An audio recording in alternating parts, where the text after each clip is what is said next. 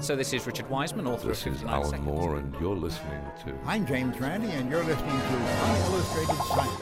Så du, du leker jo Nei, du leker ikke Gud. Kan eh, kurere kreft om fem år. For meg så er vel det her like nyttig som homøopati. Dødsannonsen. Forskningsnytt. Altså, jeg kan ikke lage en hårete planet. Nei, nei. Uillustrert vitenskap.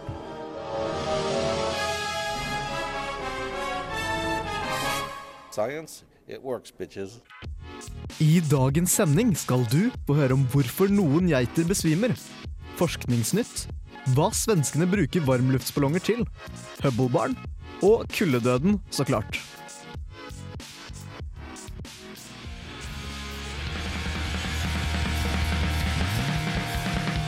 Ja, ja, ja, der hørte du Ceremony med Hysteria. Men apropos hysteri, nå skal jeg fortelle deg noe som er helt hysterisk. For det er jo mange mennesker som ønsker å krysse sjimpanser og men mennesker. Og det har de prøvd på lenge, men frykt ikke. Fordi vi har her i Uillustrert en skapning som er 50% sjimpanse, 50% menneske og 100% Ole Eivind Sigrud. Men han er dessverre i Oslo i dag på å arrangere kritisk masse, om jeg husker riktig.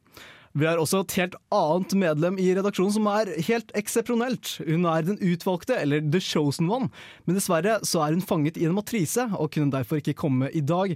Jeg snakker selvfølgelig om vårt kjønnsalibi, Jeanette Bø. Hun burde ha tatt den røde pillen. Men det er jo ikke bare meg i studio, det er også en boks her med en katt som enten er død eller levende. Jeg åpner boksen, og der sitter jaggu meg du, Rune Stana. Ja, hei. Hei, har du det bra? Jeg har det fantastisk. Er du en ny stemme her, kanskje? Ja, litt. Eh, Til vanlig så er jeg tekniker for eh, uillustrert vitenskap. Men eh, jeg tenkte i dag så får jeg gjøre en innsats, jeg òg. Du har, du har gått opp i rankene, altså. Ja. Og har du laget noen saker, kanskje? ja, jeg jobba ræva av meg i går, Ja. Så nå Jeg tror det her blir bra. Jeg, jeg har en følelse på at du er kjempeglad i klovdyret. Og enheter som man kanskje ikke finner i SI-standarden. Jeg er veldig glad i svensker og bevere. Akkurat nå så hører du Beach Fossils med Swallow Shallows, og etter det får du høre Forskningsnytt.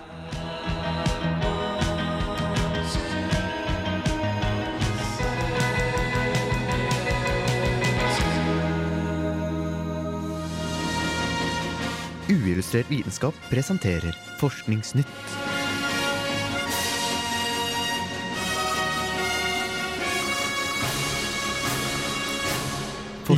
Ja, Dagbladet liker å prate om trivielle ting som klær, lavkarbo og nudistprogrammet til Lars Monsen ved navn Ingen genser. Og vi i Illustrert vi liker å prate om Dagbladet, men vi brenner også for vitenskap. Og likt entropi øker også mengden med forskningsnyheter i løpet av en uke. Du skal derfor få servert ukens heteste nyheter av oss. Maestro, kan jeg få litt musikk? CERN jobber stadig hardere med å trylle frem sorte hull under bakken. Den nyeste planen deres innebærer å oppgradere synkrotonen i november i år. Da vil protonstrålen ha et energinivå på 14 trillioner elektronvolt, Oi. eller dobbelt så mye som den har i dag. I tiden frem til november sier forskere på CERN at de bl.a. håper å på enten få bekreftet eller avkreftet eksistensen til Higgs-bosonen. Det gleder jeg meg skikkelig mye til. Det blir helt eh, heftig, tror jeg faktisk. Veldig bra. Det er mange bakterier som har utviklet seg til å bli motstandsdyktige mot medikamenter. Og nå slår amerikanske forskere alarm grunnet at det har brutt ut en uhelbredelig gonoré i landet. Sykdommen skader ikke bare deg selv og de du ligger med, men kan òg forårsake blindhet hos barn hvis fødende mor har gonoré. Oi, det Gonoré, det har jeg hørt om. Jeg har har, ja. Ja, stemmer. Ja. Et forskerteam fra universitetet i Colorado har brukt data fra NASA til å måle hvor mye is som har smeltet vekk fra polene, Grønland og jordens isbreer i perioden 2003 til 2010. Det de har kommet frem til, er at 4,3 trillioner tonn med is har smeltet vekk, noe som har fått havnivået til å stige hele 12 millimeter. Samme mengde kunne faktisk dekke hele USA i et halv meter tykt lag med is. Det er ganske fantastisk. Tenk så mye sjokoladesaus du må ha da. Ja, USA er jo stort, og de har nok mye sjokoladesaus òg. Det tror Det jeg. tror jeg. Plast er et vanvittig nyttig materiale som kan brukes i alt fra å bygge strålebeskyttende romskip til biler. Men det er et problem. Materialet har lang nedbrytningstid grunnet sterke bindinger. Men i jungelen i Ecuador har man nå funnet en sopp som lever av polyuretan, som ofte er å finne på søppeldynga. Det er mulig å resirkulere stoffet, men de aller færreste gjør det. Og som regel ender eh, plastikken opp med å bli brent, noe som tilfører atmosfæren både CO2 og andre mer giftige gasser. Avastin, et medikament man tar intravenøst i forbindelse med kemoterapi, har blitt forfalsket i USA, forteller Genentech, som produserer stoffet. Forfalskningen inneholder ikke det aktive stoffet i Avastin, og Genentech forteller at det ikke bør bli brukt. Men hvorfor skulle man ønske å fabrikkere et slikt stoff? Placeboeffekt. Nei! Prisen på Avatin er svaret, fordi den er 2400 dollar per 400 milligram, så det er veldig, veldig profitabelt. En analyse gjort av forskere ved universitetet i Tennessee sier at elektriske biler i Kina slipper ut flere farlige partikler i lufta enn deres bensindrevne motpart. Grunnen til dette er at elektrisiteten i Kina i all hovedsak kommer fra kullkraftverk.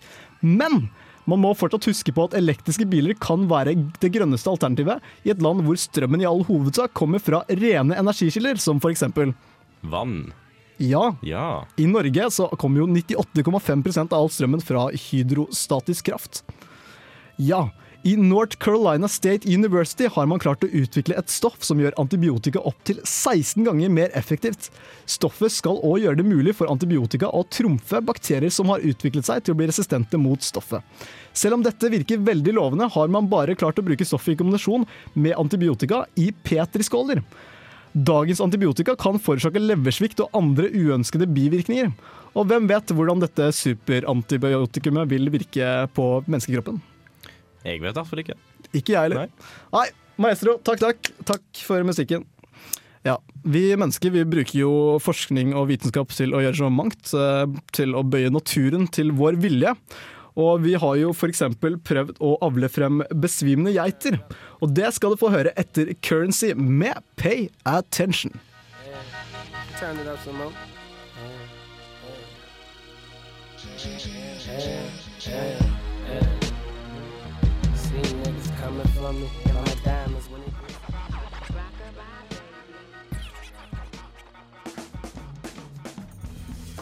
Det finnes en rase geiter som faller om når de blir skremt. Dersom en person f.eks. springer ropende mot en slik geit, så vil han prøve å løpe vekk, men plutselig stivne helt, velte om og bli liggende på bakken med strake bein. Et veldig komisk syn.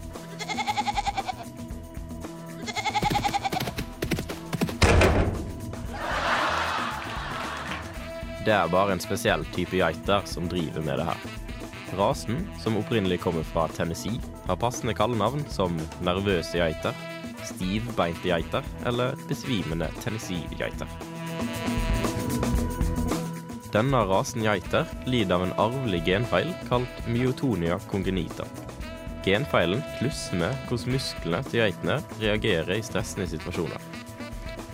Når vi mennesker blir skremt eller overraska, så vil hjernen vår sende ut signaler til musklene våre, sånn at de strammes en brøkdel av et sekund. Genfeilen myotonia congenita gjør at denne strammingen hos geitene varer opptil 20 sekunder, og dermed hindrer bevegelse totalt. Men hvordan har evolusjonen klart å frambringe en så lite konstruktiv oppførsel? Det har han ikke, fordi de besvimende geitene er nemlig av og fram av mennesker. Rasen er gunstig på flere måter enn å være komiske. Fordi geitene strammer musklene så mye, utvikler de naturlig en større muskelmasse enn andre geiter. Derfor kalles geitene også Tennessee meat goats.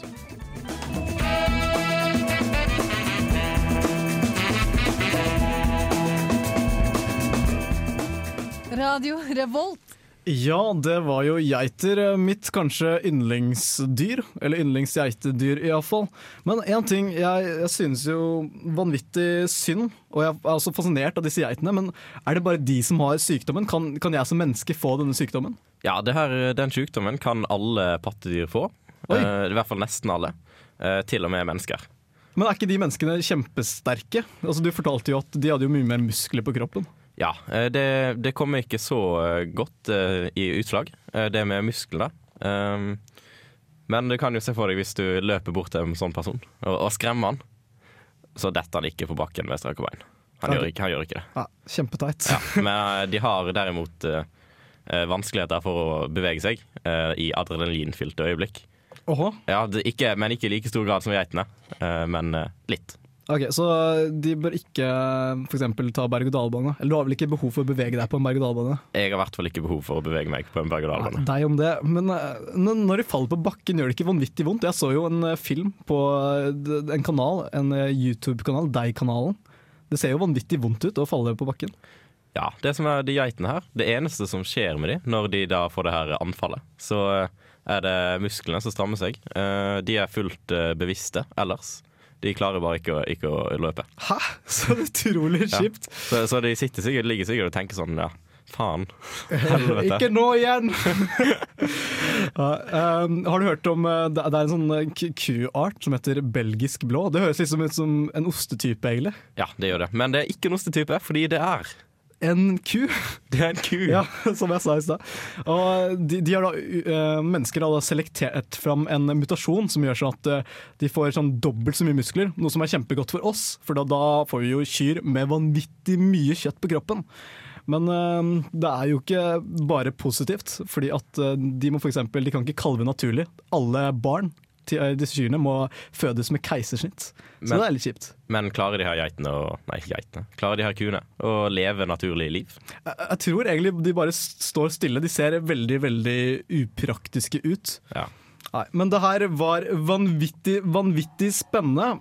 Men nå fra noe spennende til noe utrolig kjedelig. Vi skal nå snakke om verdens kjedeligste dato. Og det er kjempekjedelig. Kjempekjedelig. Ja.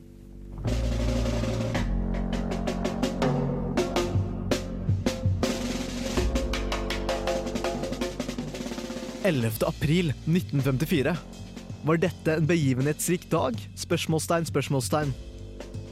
Hver dag skjer det noe nevneverdig. Og i Cambridge University har ansatte laget en søkemotor hvor de har katalogisert de aller fleste signifikante hendelser. Søkemotoren heter True Knowledge, og den er nå blitt matet inn med 300 millioner nyheter. Om du søker opp en dato, får du opp alle hendelser som forekom den dagen. Og den dagen hvor det skjedde absolutt minst i det 20. århundre, var 11. april 1954.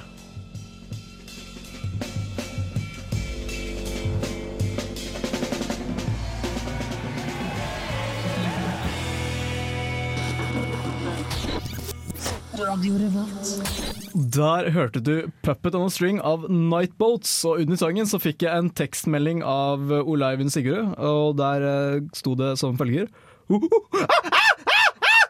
Takk for den, Olaivin. Jeg begynner å bli veldig lei av dine apestreker. Ty typisk han. Typisk Olaivin. Ja, men vi snakka jo om denne superkjedelige dagen. Ja, den, den hørtes virkelig kjedelig ut. Men skjedde det virkelig noe den dagen i hele tatt? Det, det skjedde noe den dagen. Det skjedde tre ting. Hva, hva disse tre tingene, det vet jeg ikke. Men Det var sikkert kjedelig. Det var veldig kjedelig, sikk- helt sikkert. Men uh, det her bringer meg til uh, en annen ting som uh, heter the uninteresting number paradox, eller rett og slett det kjedelige tallparadokset. Fordi la oss late som om det er et heltall fra null til uendelig som er det aller mest kjedelige. La oss hypotetisk si at det her er 12.407, Ja, fordi det er så rundt og fint. Ja. Vil det her være det kjedeligste tallet i universet? Ja, det tror jeg. Det høres utrolig kjedelig ut, så det må det være. Nei, det vil jo ikke være det, at da har det plutselig fått en attributt med at det er så kjedelig. Og dermed så er det plutselig blitt veldig spesielt, og kan ikke være kjedelig lenger. Så spørsmålet er da er 11. april 1954 en kjedelig dato? Eller er det en utrolig spennende en, fordi det skjedde absolutt ingenting der? Jeg vil si den er ganske spennende, fordi det skjedde ingenting. Ja, Det, det syns jeg er veldig begivenhetsrikt. Men uh, nå skal vi gå fra noe kjedelig til noe litt mer gøy, eller fun om du vil. Nå skal du få denne ukens fun fact-skole. Uillustrert vitenskaps fun fact-skole. Vær midtpunktet på neste vorspiel.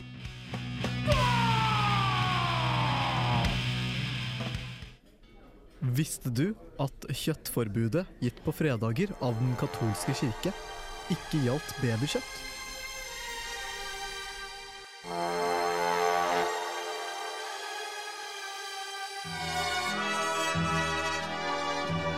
Nuclear reactors could provide power almost indefinitely. Greenhouses could maintain plant life. Animals could be bred and slaughtered.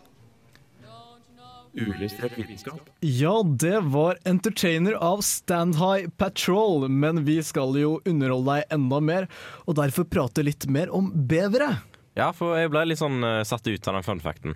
Eh, hadde Den katolske kirke et kjøttforbud som gjaldt hver eneste fredag? Nei, det gjaldt ikke hver eneste fredag. Det gjaldt bare fredager i fastetiden, som er en periode på 40 år, som starter første påskedag, hvis jeg husker riktig fra religionstimene. Eh, Det praktiseres faktisk fortsatt den dagen av, av katolikker. katolikker. Hmm. Katolikker, altså. Katolikker, altså. Men uh, hvorfor kunne du spise bever? Det er jo, det er jo et dyr, det òg.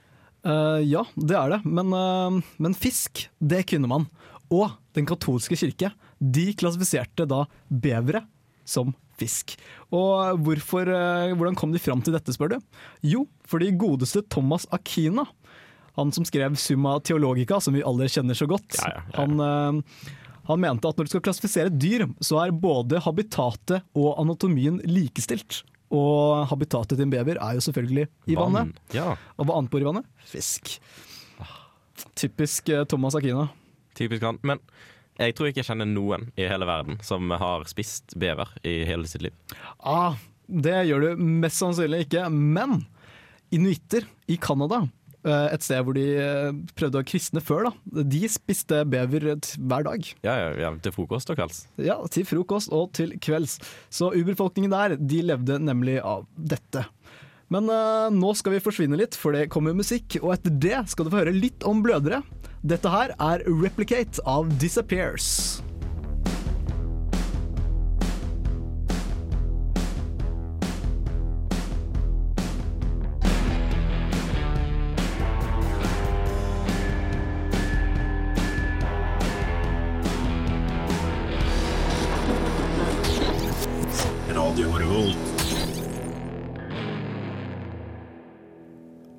Hallo, der hørte du en fantastisk fin sang, og mens sangen spilte av, så fikk jeg en melding fra Jeanette, og der står det I know kung fu. Kjempebra. Ja. Ja, Men nå har jeg lovt bort litt prat om hemofili. ja, for jeg har en venn som er homofil. Nei, nei, hemofil, Oh, ja. eller blødersykdom. Du har sikkert hørt om det før. Oh, ja, ja, det jeg hørt om. De klarer ikke å levre sårene sine, så når de først begynner å blø, så slutter de ikke. Så, så hvis jeg på en måte tar kutt i fingeren på en hemofil, så, så blør han resten av livet sitt?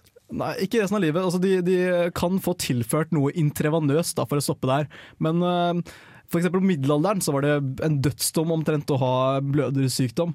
Men tingen da med denne sykdommen er at den var vanvittig godt kartlagt før vi begynte med genetikk og sånt.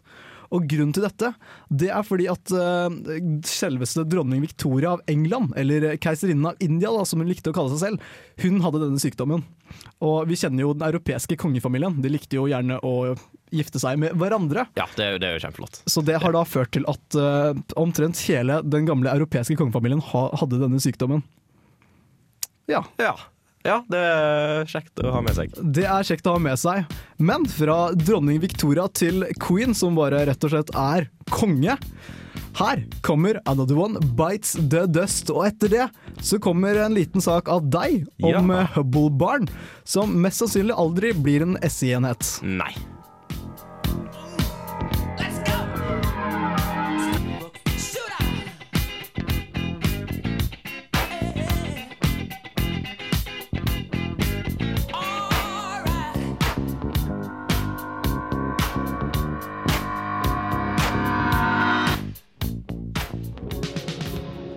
Mange spesielle målenheter i verden. En hestelengde, åtte fot. Et nanoårhundre, 3,15 sekunder. Eller en Syd Harb, mengden vann i Sydney havn, ca. 500 gigaliter. En av de mer spesielle enhetene er volumenheten Hubble Barn. Den er satt sammen av Hubble-lengden og arealenheten barn. Hubble-lengden er så langt vi teoretisk kan se ut i universet, eller da lengden på det observerbare univers. Enheten barn, eller låve, ble laget da en fysiker som forska på urankjerner, utbrøt This nucleus is as big as a barn! En barn er da blitt kjent som tverrsnittsarealet til en urankjerne, eller 10 opphøyd i minus 28 kvadratmeter. Når vi ganger sammen Hubble-lengden med én barn, får vi en Hubble-barn. Ok, er så produktet av lengden av det observerbare univers og arealet av en atomkjerne ca. 13 liter.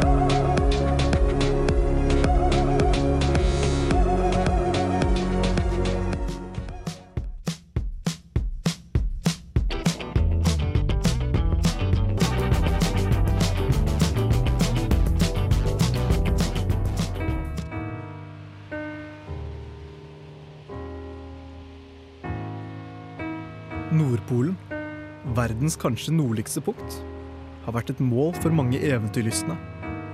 Helt siden tidlig på 1800-tallet har folk kjempet om å være første mann på Polen. Men de aller fleste ekspedisjonene endte som regel katastrofalt. Eksempel prøvde George W. DeLong å nå Nordpolen på vann. Men han måtte se seg tapt da isen knuste skipet hans, USS Jeanette.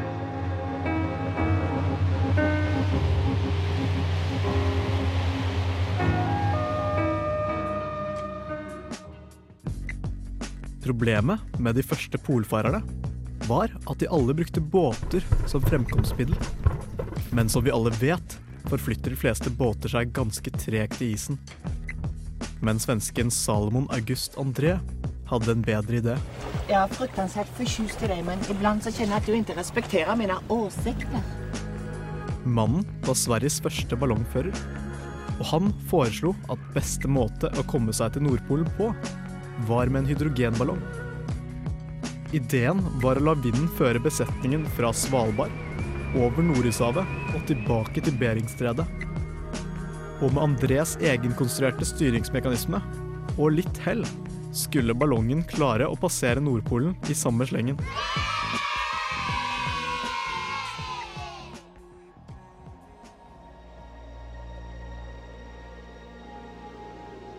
André anslo at polarekspedisjonen kom til å koste rundt 130 000 kroner. Noe som i dagens verdi ville vært rundt 6 millioner kroner. Og ideen fikk støtte fra Kungliga Vitenskapsakademien, kong Oskar 2. og selveste Alfred Nobel. Prosjektet vekket ikke bare oppmerksomhet i Sverige, men òg hos utenlandske medier, som beskrev turen som noe snytt rett ut av fantasien til dalevende forfatter Jules Verne. André og hans kumpaner skulle egentlig reise i 1896, men grunnet at vinden blåste i stikk motsatt retning av hva de originalt hadde beregnet, måtte de utsette reisen i et år. Sommeren året etter lettet ballongen Ørnen fra danskeøya på Svalbard. Men allerede minutter etter ferden hadde startet, måtte besetningen lempe av rundt 700 kg for å holde ballongen svevende. Om de klarte å nå Nordpolen eller ikke, var lenge et mysterium. Men 33 år senere fant den norske Bratvåg-ekspedisjonen levningene til ørnens besetning på Kvitøya på Svalbard.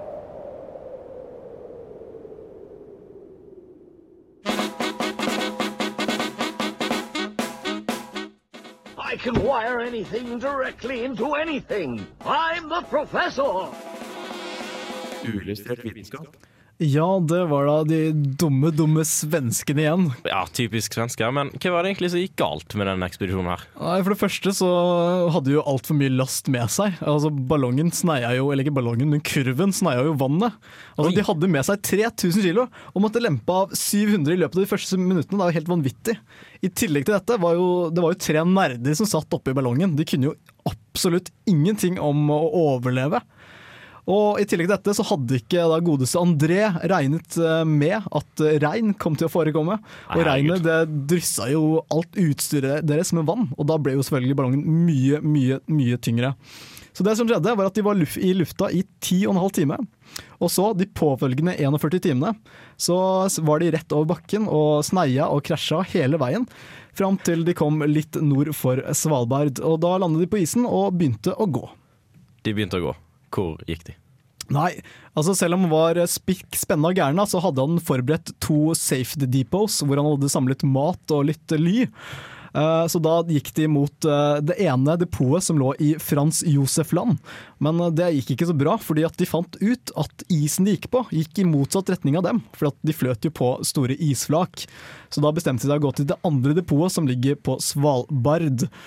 Og det gikk ikke så bra, fordi de endte opp på et gigantisk isflak som rett og slett bare fløt i random retninger. Så til slutt så bare bestemte de seg for å overvintre der, da. Ja, Og det gikk heller ikke så bra. Det gikk heller ikke så bra.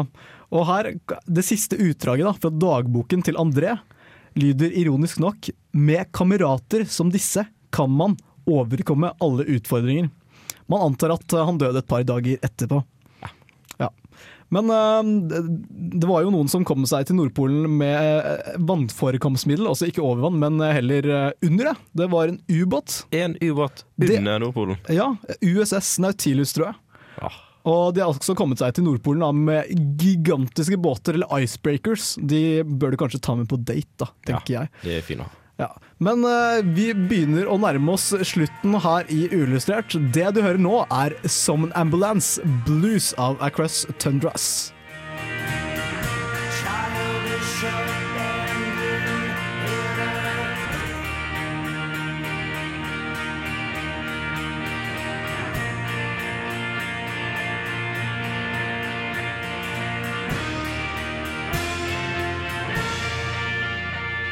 I'm James Randi, and you're listening to Unillustrated Science. Ja, vi begynner å gå helt tom for tid, og i dag så er det dessverre slik at Live ikke kommer etter oss i dag. Nei, det gjør det ikke. Hurra! Ja! Ingen live! Men etter kanskje ikke oss på radioen, men eh, heller i eh, den fysiske verden med fire dimensjoner, så har vi denne fantastiske messen i eh, Oslo, Kritisk masse, hvor eh, vi skal få så fantastiske talere som Richard Wiseman og Preben Aavitsland. Og jeg hører også rykter om at eh, Saltklypa, vårt eh, kanskje en, jeg vil kalle det, det søsterprogram, vil ha en livesending på, på Kritisk masse. Oi, kjempetøft. Spennende. Det blir bra. Ja. Men uh, du må nesten ta og komme og høre neste uke. Det kommer til å bli kjempebra. Og Rune Stane, kommer vi til å høre mer fra deg senere? Det gjør vi, fordi jeg kommer tilbake i mars. Nei, så Ja. spennende! Det blir kjempemoro. Ja.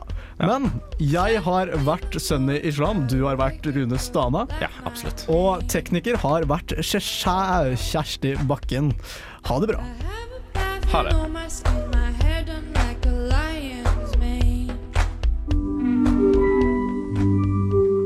Uillustrert vitenskap er Midt-Norges eneste teknologimagasin på lokalradio.